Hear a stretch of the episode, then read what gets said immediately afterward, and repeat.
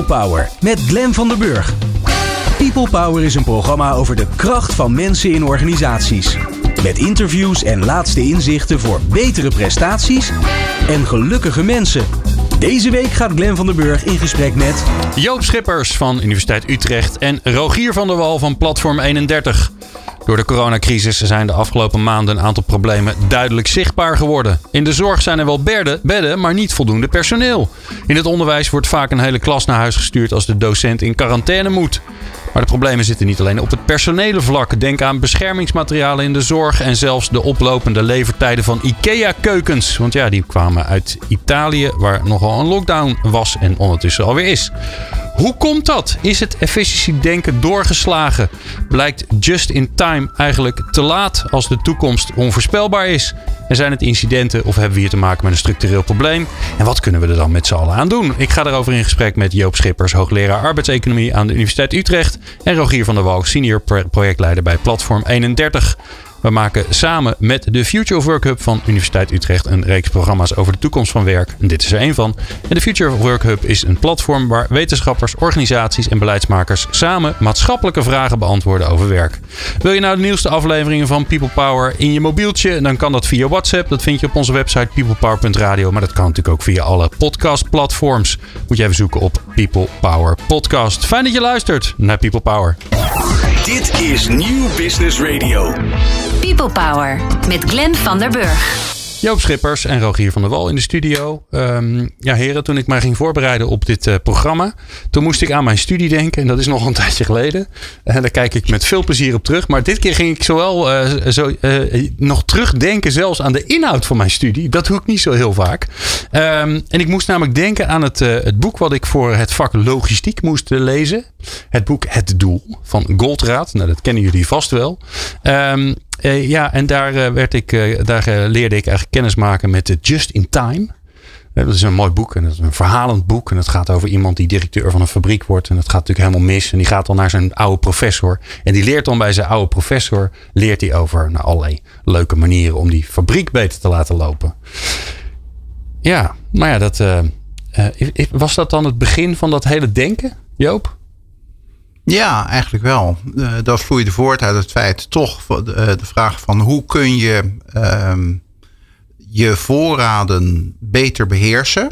Voorraadvorming is natuurlijk iets dat kost geld. Want uh, ja, al die dingen die je op voorraad hebt, of dat nou schroeven en moeren zijn of kant-en-klaar producten, uh, de tijd dat ze bij jou ergens in een magazijn staan, uh, worden ze niet verkocht, zit je geld erin. en in dat magazijn kost het nog ruimte ook. Dus aan twee kanten kost dat wat. En ja, veel bedrijven die hebben zoiets van, kan dat niet wat minder? Ja, en wanneer is die hele, die hele gedachtegang over steeds maar efficiënter, efficiënter, efficiënter maken, het, het eruit duwen van de lucht? Nou, er zijn allerlei, ondertussen allerlei beeldspraken bijgekomen. Wanneer is dat ontstaan? Nou ja, eigenlijk is dat al zo oud als uh, de industriële revolutie. Ik bedoel, uh, Ford uh, met zijn massaproductie was daar ook al mee bezig met standaardiseren. zorgen dat je geen paarse of groene auto's onverkocht in het magazijn hebt staan, maar alleen maar zwarte produceren, ehm, zodat mensen maar één variant kunnen kopen. En des te harder gaan ze. Ja. Wat het uh, misschien wel het interessante is, is dat op een gegeven moment dit niet alleen maar iets is wat in het bedrijfsleven speelde,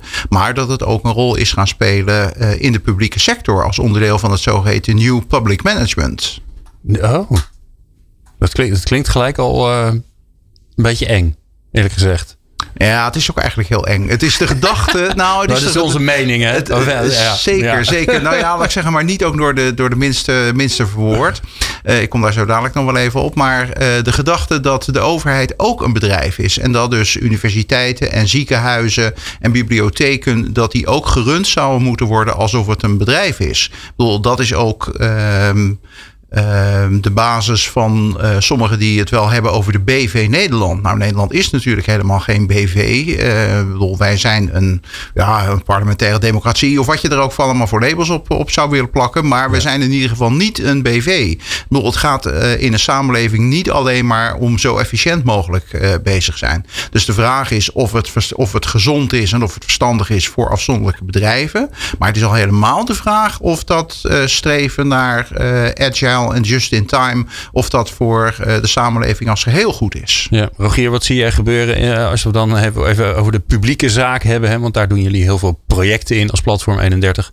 Wat zie je daar dan gebeuren vanuit het efficiëntiedenken waarvan je denkt, ja, dat, dat kan toch niet de bedoeling zijn?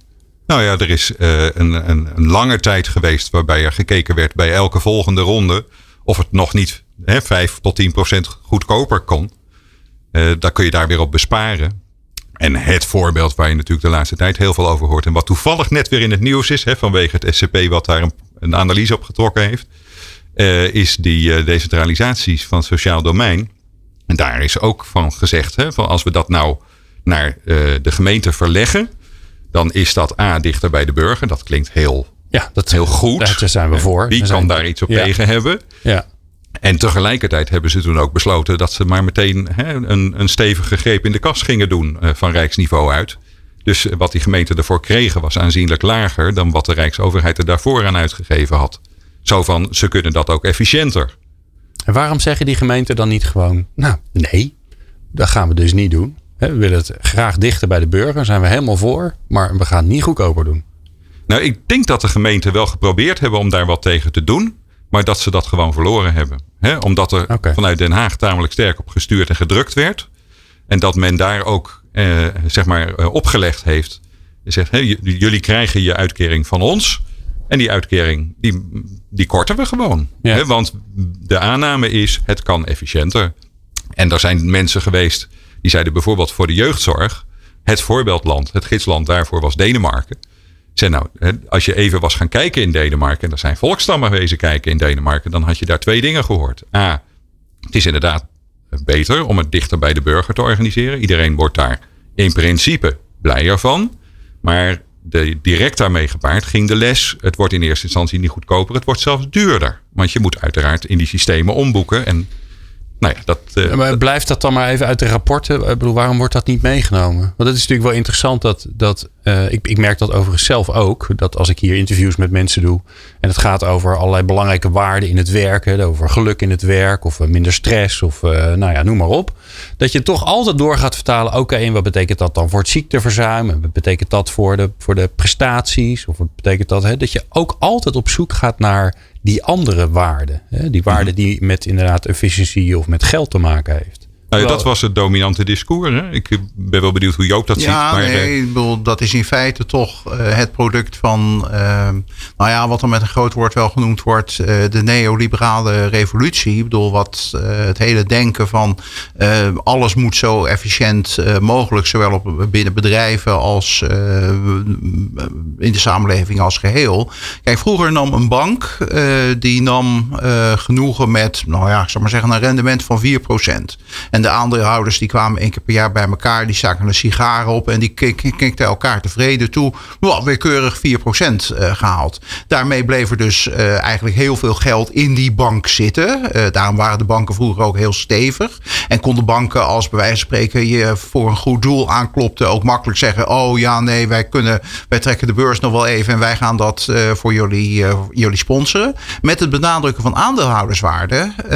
dus zoveel mogelijk geld uitkeren van de winst naar die aandeelhouders toe. Ja, dan krijg je dus dat als het ware die aandeelhouders samen, uh, die draaien de duimschroeven van de bestuurders uh, steeds strakker aan. En die moeten dus nog maar weer ergens, moeten ze proberen iets te bezuinigen. Hetzelfde ging de Rijksoverheid doen met subsidies. Uh, of, of, ja, geld voor bijvoorbeeld de spoorwegen of voor het onderwijs. Nee, jullie kunnen voor het, het geld wat je krijgt, kun je best nog wel een paar treinen extra laten rijden. Of een paar studenten extra bedienen. En inderdaad ook voor de gemeente, waarvan de, uh, dan de Tweede Kamer, die heeft al die, die bezwaren die Rogier net noemde uh, ook best wel gehoord. Ze hebben er alleen niks mee gedaan. Bedoel, er was afgelopen week een reeks hoorzittingen in de Tweede Kamer over uh, de uitvoering van allerlei dingen. Dus dat gaat over de Belastingdienst, de kinderopvang, de UWV, nou ja, noem het allemaal maar op. En daar zie je dus dat, uh, nou ja, in het kader van dat efficiëntiestreven streven, krijg je nu een computer te spreken. Nou ja, te spreken tussen aanhalingstekens. Uh, en niet meer een mens van vlees en bloed. En daardoor komen dus de mensen die niet zo geweldig zijn met uh, het invullen van het zoveelste digitale formulier, die komen dan uh, in de knel. Ja. Dan heb je dus wel wat bespaard aan de ene kant, maar het gaat niet zonder kosten aan de andere kant. Nee, want dat, daar, los van het feit dat je natuurlijk af moet vragen of, of zo efficiënt mogelijk zijn überhaupt het hoogste goed is. Hè, dat dat nou echt zo belangrijk is. Hè, dan vinden we het volgens mij zeker als Nederlanders vervelend als we dingen verspillen. Aan de andere kant, als je kijkt wat we met milieu doen, dan denk ik, nou, zo erg vinden we het nou ook weer niet. Maar um, zou je kunnen zeggen, ja, los van dat er andere waarden zijn, is het ook gewoon, is het een beetje kijken op die ene postzegel? Is het te veel kijken naar, ja, hier zijn we heel efficiënt. Alleen de effecten ergens anders verderop in de keten of verderop in de maatschappij, die nemen we helemaal niet eens mee. Nou, voor een deel is het ook wel tunnelvisie, zeg maar. Hè? Of, verkokering, hè? dat zijn varianten van hetzelfde. Ik kan me herinneren, je, je had het over die hoorzittingen. Een van de eerste was met Albert-Jan Kruiter van het Instituut voor Publieke Waarden. En die hebben natuurlijk een zekere faam opgebouwd inmiddels met het afpellen van die multiproblematiek cases. Ja, dat is een mooi verhaal. Die moet ook eens komen.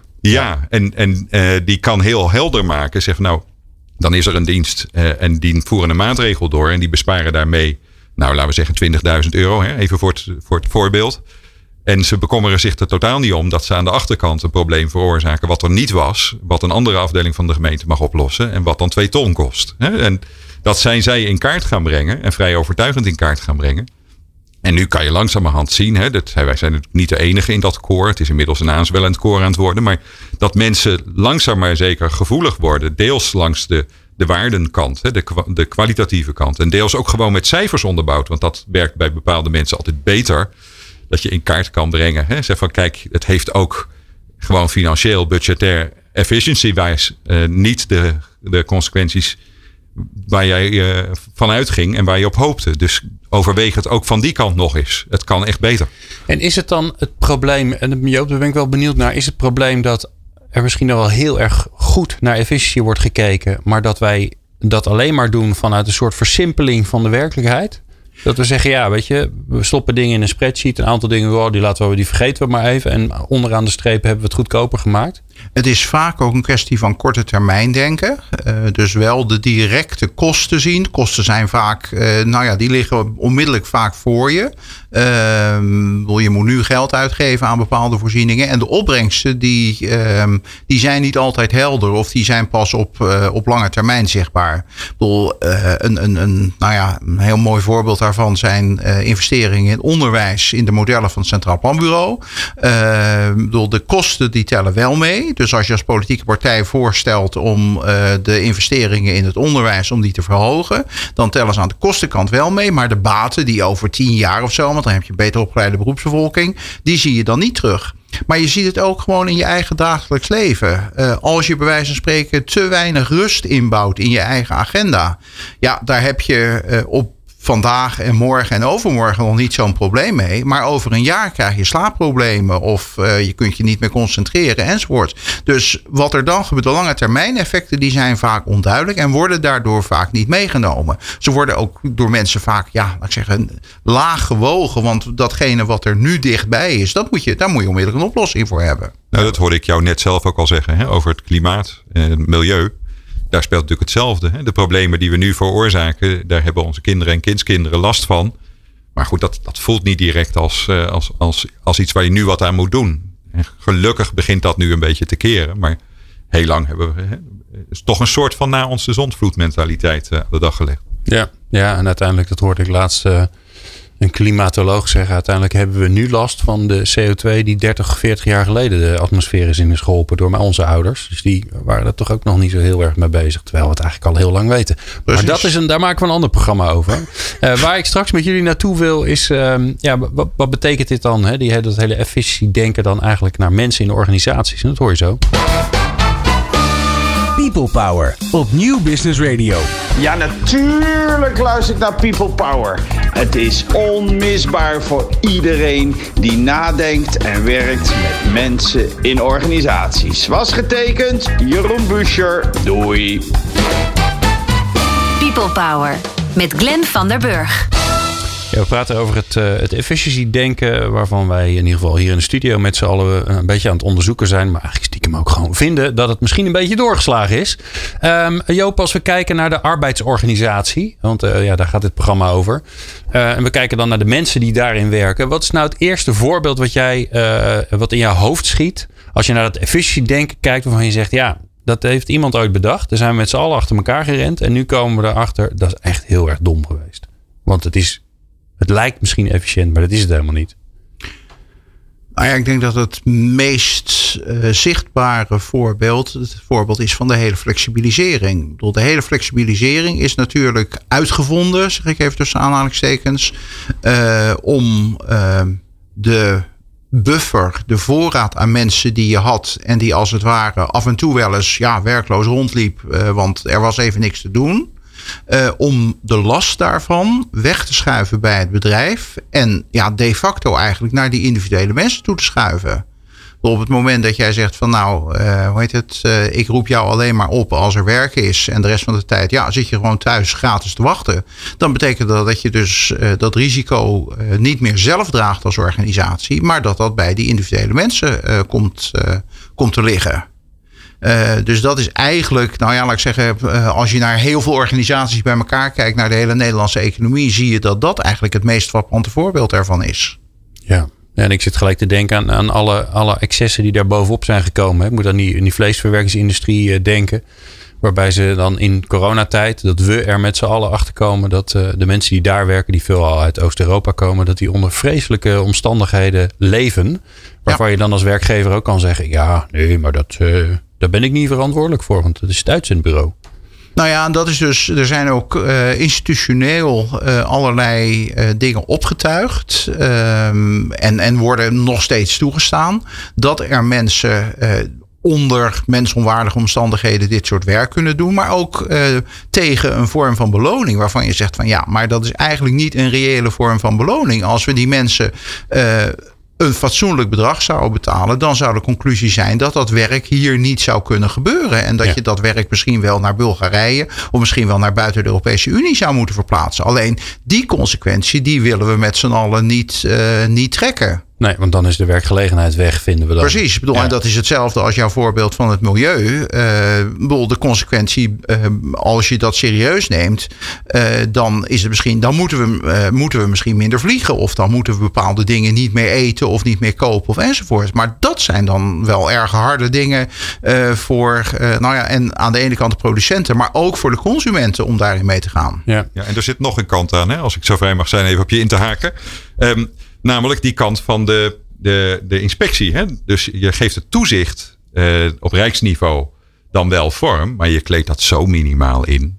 Hè, dat iedereen weet dat de kans dat iemand ja, ja. gevisiteerd wordt en dus ook betrapt wordt op misstanden, dat die echt minimaal is. Ja. En dat weten we allemaal en toch laten we dat gebeuren. Hè? En dat is natuurlijk met een heleboel van dat soort uh, controles. Die zijn er wel, maar ik geloof dat de NVWA dat ook heeft. Die heeft dan mhm. twee mensen die al die slachthuizen moeten controleren. Ja. Zie het voor je. Ja, dat kan je heel lang volhouden voordat je eindelijk een keer tegen de lamp loopt. Ja. Ja, nou waar ik ook wel aan moet denken, wat ik zelf wel opvallend vind, is dat uh, volgens mij nou ja, iets meer dan een jaar geleden uh, Rutte opriep naar uh, dat de lonen omhoog moesten in Nederland. Dat vond ik al bijzonder voor iemand van de VVD. En dat hij nu zelfs, voor, vlak voor de verkiezingen, maar ik geloof dat hij nog meent ook, dat hij het ermee eens is, sterker nog, dat het in het programma staat dat de minimumlonen omhoog moeten. Iemand van de VVD. Nou, dat was echt 20, 30 jaar geleden onbestaanbaar, toch? Ja, Wat is er aan de hand, Joop? Uh, nou ja, is het is het einde van het neoliberalisme? Ja, vertel eens Joop. Is dat diep gevoeld? ja. Is dat... Nou, daar is inmiddels toch wel brede consensus over... dat uh, het minimumloon inmiddels wel zo laag geworden is. En het minimumloon, daar hangen natuurlijk ook uh, voor een deel... de sociale zekerheid hangt daarvan af. En we zien met z'n allen, dat zie je vooral in deze tijden natuurlijk toch gebeuren... waarin mensen werk kwijtraken of geen nieuw werk kunnen vinden... dat je met, hoe heet het, een bijstandsuitkering uh, dat je niet heel ver komt.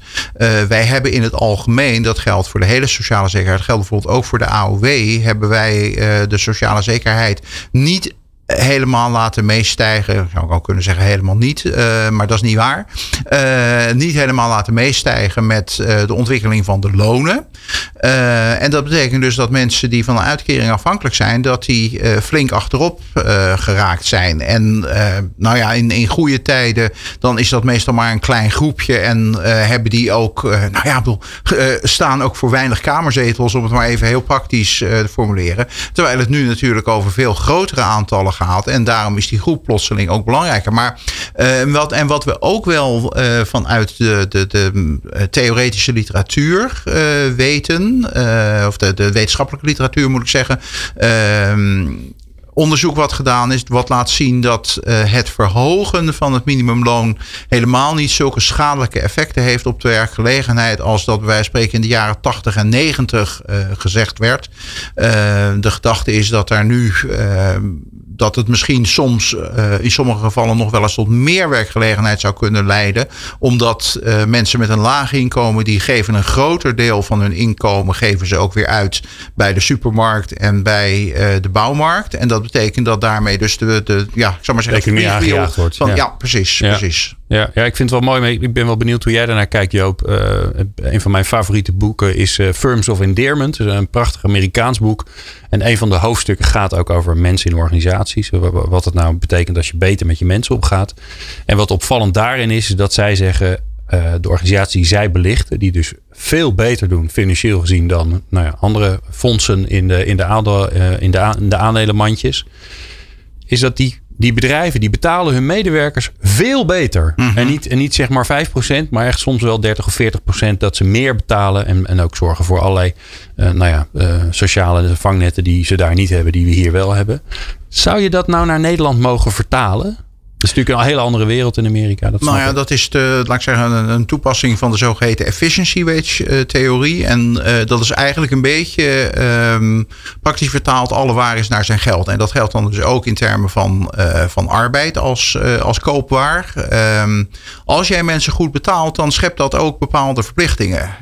en dan voelen mensen zich ook verantwoordelijk. En dan, nou ja, het creëert een, een vorm van, van, van binding tussen jou als werkgever en de werknemers. En dan gaan dus de dan gaat dus de productiviteit, die gaat ook al heel makkelijk omhoog. Ik bedoel, als jij mensen, nou ja, uh, hoe heet het, eh, voor een appel en een ei probeert te laten werken, dan denken mensen van, ma, bekijk het maar baas.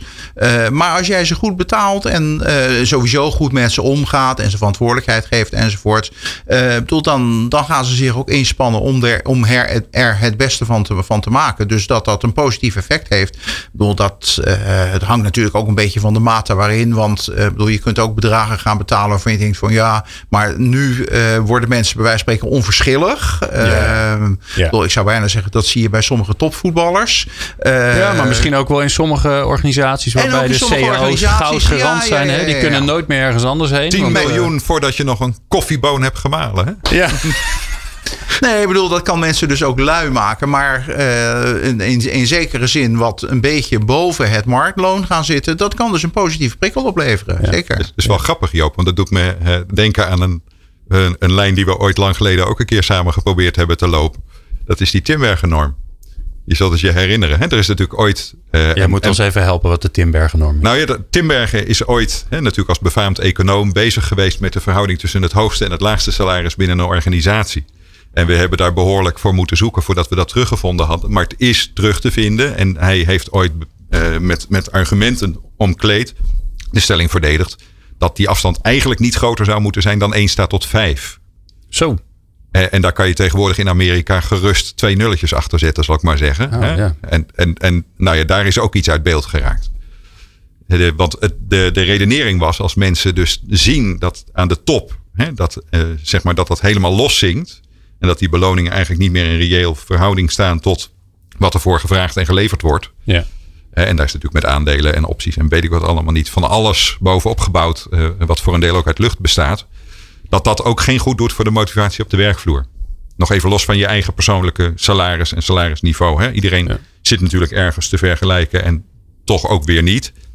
Als je op een bepaald niveau zit, dan, dan kun je daar aardig eh, tevreden mee zijn. Ook al verdienen anderen meer. Want daar is dan een ratio voor te verzinnen. Maar dit heeft geen ratio meer die je aan iedereen uit kan leggen. Nee, nee dat gek is natuurlijk dat we eh, prima een jaartje zonder een HR-directeur kunnen bij een ziekenhuis. Maar dat we echt niet een jaar zonder uh, die ene IC-verpleegkundige, als die er morgen mee stopt, dan hebben we daar toch echt wel een heel groot probleem. Ja. Uh, want die doen het echte werk, zoals ik dat altijd maar zeg. Nou ja, en dat is wel frappant, hè? want dat haakt aan bij uh, waar we het natuurlijk vlak voor de coronacrisis over hadden in Nederland. Dat er allerlei sectoren naar het Malieveld togen, omdat ze vonden dat ze ondergewaardeerd werden. En in geld en in, in materiële zin. En nou ja, goed, daar, uh, dat was een soort struggle gaande. En die is eigenlijk abrupt onderbroken door de coronacrisis. Waarbij tegelijkertijd, wat jij net zegt, ook optrad. Namelijk al die beroepen uh, die uh, voor zichzelf op de bres waren, noodgedwongen omdat niemand anders het deed. Uh, die werden ook vervolgens allemaal tot vitale beroepen gebombardeerd. En zeiden, oh wat fijn dat jullie er zijn en we klappen voor jullie. Ja. Waarbij je dan dus ook ziet dat uh, al die groepen die naar het Malieveld togen, dat dat niet alleen voor geld was. Dat was heel vaak was dat ook voor werkdruk. En dat hele idee van, nou ja, laat ik zeggen, alle lucht eruit persen, dat heeft, dat heeft vooral ook tot die enorm hoge werkdruk overal geleid.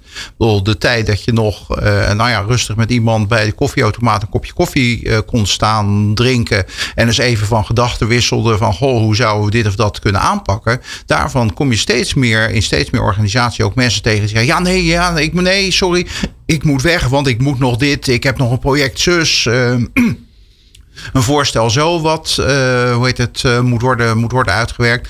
Dus die lucht is er uitgedraaid. En ook hier geldt dus weer van, je kunt dat best wel een tijdje doen en mensen vallen niet onmiddellijk om. Maar als die druk permanent heel hoog is, als mensen dus geen tijd meer hebben om, nou ja, even na te denken, even tot rust te komen, even, nou ja, te relaxen. En dat hoeft dan dus helemaal niet relaxen te zijn in de zin van dat ze met de benen omhoog gaan zitten en helemaal niks doen, maar dat ze gewoon eens even tijd hebben maar ook om dat wat is meer niet zo erg. Te ook dat is niet oh. erg, nee, zeker niet. Uh, maar om even te reflecteren op het werk wat ze doen. En niet alleen maar als een gek doorjagen. Ik bedoel, daar zie je dus dat uh, op het niveau van het individu.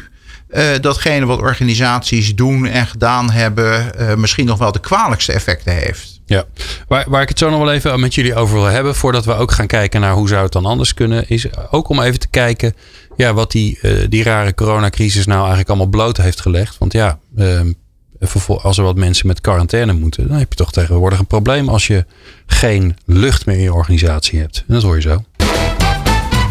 People Power met Glenn van der Burg. Zo, een prachtig, uh, toch tikje filosofische aflevering van People Power over het efficiëntiedenken. En uh, ja, hoe dat misschien ondertussen wel uh, aan de bocht uitgevlogen is. En dat we op zoek moeten, of op zoek moeten, moeten kijken naar wat er dan voor anders is. E eerst maar even naar um, eh, naar een ander voorbeeld. Uh, we hadden het net tijdens de muziek even over, over de postbezorgers. Om, om toch nog maar even schrijnend neer te zetten hoe dat in zijn werk gaat.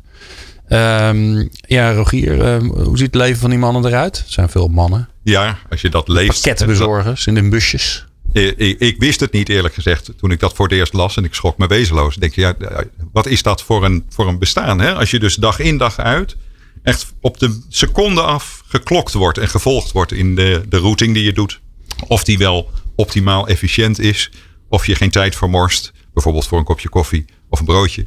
Dat soort dingen. Hè? En of je niet nog een pakketje extra kan doen in dezelfde tijd. Denk ja, daar zijn we toch een klein beetje. Nou, een klein beetje. Daar zijn we behoorlijk het pad kwijtgeraakt onderweg. Dat, dat kan je van mensen eigenlijk reëel niet vragen. En, dat is en het klinkt gewoon heel ouderwets, Joop. Het is toch het, het, het, vroegere klokken, hè, dat je nog in het moest klokken. Het is de mens als eh, verlengstuk van de machine. Ja. ja. Bedoel, dat, bedoel, daar waren we nou juist zo blij dat we daar langzamerhand uh, afscheid van genomen hadden. Maar daar gaan we dus uh, via dit soort routes steeds meer uh, naar terug. En dat betekent dus ook dat mensen geen ruimte meer hebben voor eigen initiatief. Om zelf te constateren van, hé, hey, hier is een probleem, hier moet ik misschien iets doen.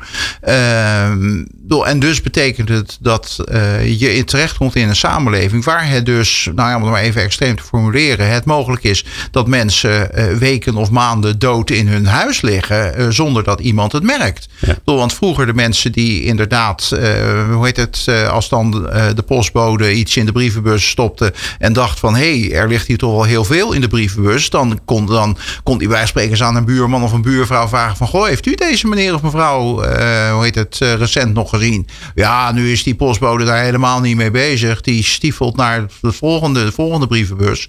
Nou ja, bedoel, en zo, zo verdwijnt er dus weer iets in de samenleving. Iets waarvan je zegt van ja, dat is niet onmiddellijk op geld te waarderen, maar is wel een belangrijke waarde. En nou ja, laat ik zeggen, die buffers, dus die tijd die die postbode extra had, of de tijd die de thuiszorgmevrouw extra had, die was ook wat waard, ja. uh, zonder dat dat nou onmiddellijk in geld te waarderen was. Ja. Ja, ik heb ooit eens een keer wat interviews gedaan in de zorg. Daar hoorde je ook verhalen van mensen die zeiden. Um, wij, wij vroegen toen aan, aan verpleegkundigen: zeiden we, wanneer had je nou echt een, een hele fijne dag? Wanneer heb je het verschil kunnen maken? En dan hoorde je heel veel verhalen over dat ze de tijd hadden om naast iemand te gaan zitten, even de hand vast te houden, even te kletsen of er gewoon alleen maar te zijn. En dat iemand die in de war was of die een beetje eh, nou, onhandelbaar was, dat hij ineens rustig werd door er alleen maar naast te zitten. Ik zal je het nog sterker vertellen. Er was een ziekenhuis, ik geloof dat het Radboud was. Die hadden een tijdje terug, ik geloof dat het inmiddels weer weg is, een chief listening officer aangesteld. Iemand die gewoon betaald werd om dag in dag uit te luisteren naar patiënten. Want daar hebben de medici geen tijd meer voor. Ja. Nou, dat, hè, als je dat op je in laat werken. Ja. Nou ja, de grap is dus dat dit dus nu tegenwoordig allemaal projecten moeten worden. En dat er mensen dat in hun taakstelling ehm, eh, beschreven krijgen. Eh, terwijl dit vroeger waren normale dingen. Ik bedoel, dat hoorde was gewoon integraal onderdeel van je werk. Ook van de verantwoordelijkheid die mensen zelf namen. Ik bedoel, en nu word je erop uh, op aangekeken als je die verantwoordelijkheid wel neemt. Ja. Want dan heb je kennelijk had je dus tijd over om niet te doen datgene waar je voor betaald werd. Nou, ja, kijk, ik, ik, zei net zo van, hè, dat, het is eigenlijk zot. En dat, dat hou ik ook wel staande. Tegelijkertijd kan je zeggen, je kan zo'n ziekenhuis waarderen voor het feit dat ze die dimensie ook proberen te raken. Het zou alleen mooi zijn als daar vervolgens zeg maar, nog wat verder over doorgedacht wordt. En kijken of je dat toch weer samen kan brengen. He, want ik denk dat dat de win-win is die je eruit zou kunnen Zeker. putten. Ja. En daar zijn we nog net niet. Maar wie weet dat we daar nog wel komen. Ja. Nou ja, en waar we natuurlijk ondertussen achter komen is dat als, ja, als het ziekteverzuim omhoog gaat, of laten we het zeggen, het, eh, de, aanwezigheid omlaag gaat, omdat eh, er nu eenmaal mensen in quarantaine moeten, omdat er iemand in de buurt eh, ziek is geworden, ja, en je loopt dan tegen problemen aan, zou je dan eigenlijk moeten zeggen, ja, dan, dan ben je niet goed georganiseerd? Nou ja, de vraag die eigenlijk elke organisatie zich zou moeten stellen is van hoeveel ehm, risico kan ik aan? Hoeveel ellende kan ik verdragen voordat de zaak in elkaar stort? Bedoel, spoorwegen zijn wat dat natuurlijk ook al een, een, een prachtig voorbeeld. Uh, bedoel, hoeveel uh, extra mensen heb je klaarstaan om als er bij wijze van spreken... Ja, dat was iets van vroeger sneeuw uh, ligt. Dat hadden we vroeger. Ehm, maar, Is dat witte spul toch? ja. Precies, ja. ja. maar hoeveel, ja. hoeveel, hoeveel mensen heb je beschikbaar om problemen die daardoor ontstaan... om die op te lossen? Kijk, in Zwitserland waar ze veel meer sneeuw hebben dan hier... ook minder dan vroeger, maar meer dan hier...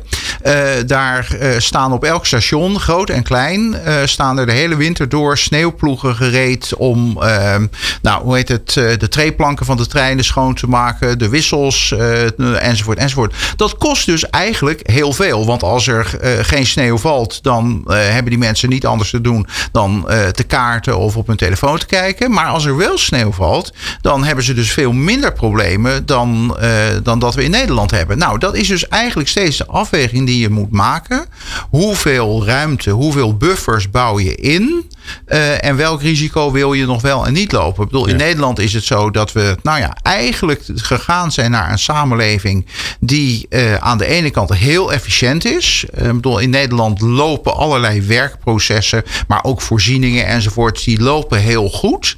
Maar oh jee, als er iets misgaat, want dan zijn we in, in zak en as, in, is lijden in last. Nou ja, zo kun je nog een aantal van dit soort gezegdes daarop loslaten. Maar dan zijn we er dus niet meer op, ja, ik zal maar zeggen, op gebouwd om dingen nog op te vangen. En dat betekent dus dat bij wijze van spreken een school heeft ook niet, uh, nou ja, ik zeg maar nog maar een, een reserve docent uh, om nog wat extra les te geven. Uh, of iemand die je makkelijk nog even kunt inroosteren enzovoort. Want we hebben met z'n allen ervoor gekozen om juist al dat soort, nou ja, wat er dan, hoe heet het, als, als, als, als overbodige ballast gezien wordt, om dat eruit te schrappen. Dat komt wel van die begroting af. Mensen die zitten te wachten, mensen die even niks zitten te doen, daar, dat, dat kan niet. Dat is niet efficiënt genoeg. Terwijl dat dus wel degelijk een enorme, een enorme waarde kan hebben. Ja, waar ik zo met jullie naar wil kijken tot slot is, uh, uh, ja, hoe anders? Dus wat, wat kunnen we aan voorbeelden noemen waarvan we zeggen, nou daar kun je morgen kun je daar toch echt wel verandering in brengen. Dat hoor je straks. People Power met Glenn van der Burg. Ik ben Lars Blauw. Adviseur duurzame inzetbaarheid bij Centraal Beheer Open. Ik ben Rachel van Raam, hoofdhaar en Black Vos. Ik ben Mark Jansen, senior medewerker Learning and Development bij Paresto. Ik ben Aniek van ELO en ik luister natuurlijk altijd naar People Power. Want People Power is er voor jou en niet andersom. Elke maandag People Power op Nieuw Business Radio.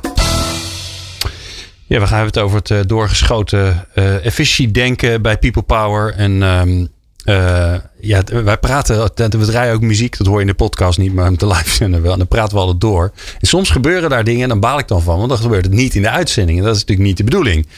Um, en jij noemde dat net, uh, hadden we het even over, ja, waarom vertrouwen we mensen eigenlijk niet gewoon, Joop? Mhm. Zit dat er misschien niet achter? Hè? Dat, dat, dat we het systeem zo inrichten dat het systeem efficiënt is. In, in plaats van dat we tegen mensen zeggen, hey, dit is jouw vak en maak er wat van.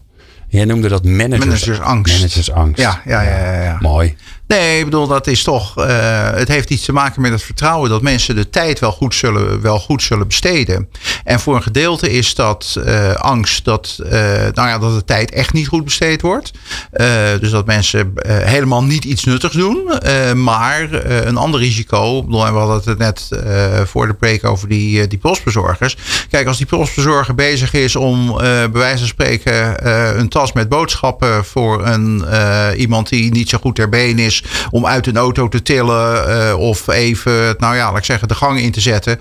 Uh, bedoel, dan doet zo iemand maatschappelijk gezien iets heel nuttigs, maar niet voor, de, niet voor de werkgever. En dat is denk ik ook een belangrijk punt. Het gaat ook voor een gedeelte over uh, nou ja, het, het herverdelen van, van, van, van opbrengsten. Ehm, maar ja, bedrijven hebben hun mond vol over maatschappelijk verantwoord ondernemen, hun purpose. Een beetje, daar, daar kletsen ze uren over. Ja, geef mensen iets meer tijd. En, nou ja, dat was dus, uh, we hadden het geloof ik straks al even over die banken en het uh, rendement van vroeger, uh, waar 4% vol stond. En dat die banken dan verder geld hadden voor, voor goede dingen. Bedoel, dat zou natuurlijk in de hele samenleving kunnen. Dat je zegt van nou, we nemen genoegen met een beetje minder winst, wat naar de aandeelhouders gaat. We laten net wat meer in de organisatie zitten. en dat gebruiken we inderdaad om, nou ja, ik gebruikte er net in de pauze ook even het woord lummeltijd. om dat, dat van van te bekostigen. Uh, je kunt het ook maatschappelijk op een andere manier organiseren door de introductie van basisbanen. We hebben het hier in dit programma volgens mij ook wel eens over gehad. Ja. Uh, dat is een goede mogelijkheid om activiteiten mogelijk te maken en dus ook maatschappelijk te waarderen met een betaling van minimumloon van, van de mensen die die banen bezetten. Waarvan je zegt, daarmee creëer je als het ware lucht in de samenleving om dingen te doen die anders zouden blijven liggen. En je laat mensen iets, iets nuttigs doen. Dus het zijn allemaal dingen die je op zich voor een gedeelte wel zou kunnen regelen. Aan de andere kant, regelen is één ding, maar het besef uh, bij allerlei mensen die dingen regelen in de samenleving, de managers, zal ik ze nu maar even noemen, uh, dat, uh, dat dat ook belangrijk is. Dat, dat is dat is ook wel goed dat dat tussen de oren zou komen. Want alles alleen maar van bovenaf regelen met regelingen. Uh, ja, ik weet niet of dat nou de beste oplossing is. En ik zie Rogier ook al met schudden. Ja, nee, dat klopt. Want ik, hey, ik zit natuurlijk ook te denken aan vakmanschap. Ja. Zo, zowel het vakmanschap in uh, ambtelijke zin, als ook de, de mensen die gewoon een, een vak geleerd hebben, de professionals. Uh, die voor een deel ook hun discretionaire ruimte, zoals dat zo mooi genoemd wordt, claimen. Zeker, het gaat om de discretionaire ruimte.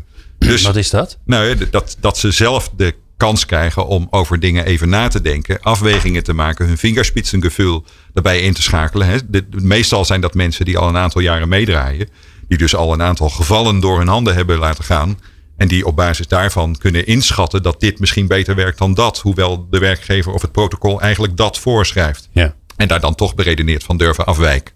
Zoiets. En, en waar het me ook aan deed denken was wat een tijdje terug Roel Kuiper, de senator voor de ChristenUnie, zo mooi privatiseringsverdriet heeft genoemd. We hebben ooit in een blinde race hebben we achter elkaar dingen geprivatiseerd. De post, de telefonie.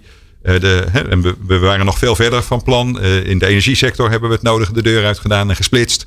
Um, en uh, nou ja, goed, daarvan is achteraf geconstateerd dat hebben we eigenlijk tamelijk onberedeneerd gedaan. We hebben vanuit Europa een soort mantra gevolgd die ons werd voorgehouden dat dat moest.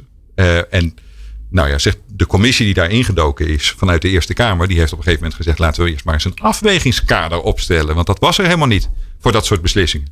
Hè? En het boekje wat hij erover geschreven heeft, Wat heel aardig is om te lezen. Dat heet de terugkeer van het algemeen belang. Wat veronderstelde dat het weg was. Ja. ja? De nut, het nutsbedrijf. Ja, ja. dat heette ook niet voor niets ja, zo. Het nutsbedrijf. Dat is, ja. uh, ik dacht vroeger dat het gewoon, ik denk dat, nou ja, ik had daar heel andere beelden als kind over, over het nutsbedrijf. Nee, maar dat gaat dus vooral ook over het publieke nut ervan. Ja. En dat is breder dan, uh, dan het bedrijfseconomisch uh, nut. Ja. ja, eigenlijk zijn we nu natuurlijk, wij zitten hier in Hilversum op Mediapark. Ondertussen wordt natuurlijk de hele publieke omroep langzaam aan de nek omgedraaid. Ook maar omdat het allemaal wel veel efficiënter kan. En nou ja. Daar gaan wij nog van terugkomen. En daar gaan wij ongetwijfeld van terugkomen, ja. Uh, heren, ik vond het hartstikke leuk om eens een keer niet over allerlei oplossingen te praten. Maar gewoon eens even te kijken van, uh, ja, uit, vanuit welk kader denken we nou eigenlijk met z'n allen. Dus ik dank jullie zeer, uh, Joop Schippers, Universiteit Utrecht en Rogier van der Wal van Platform 31.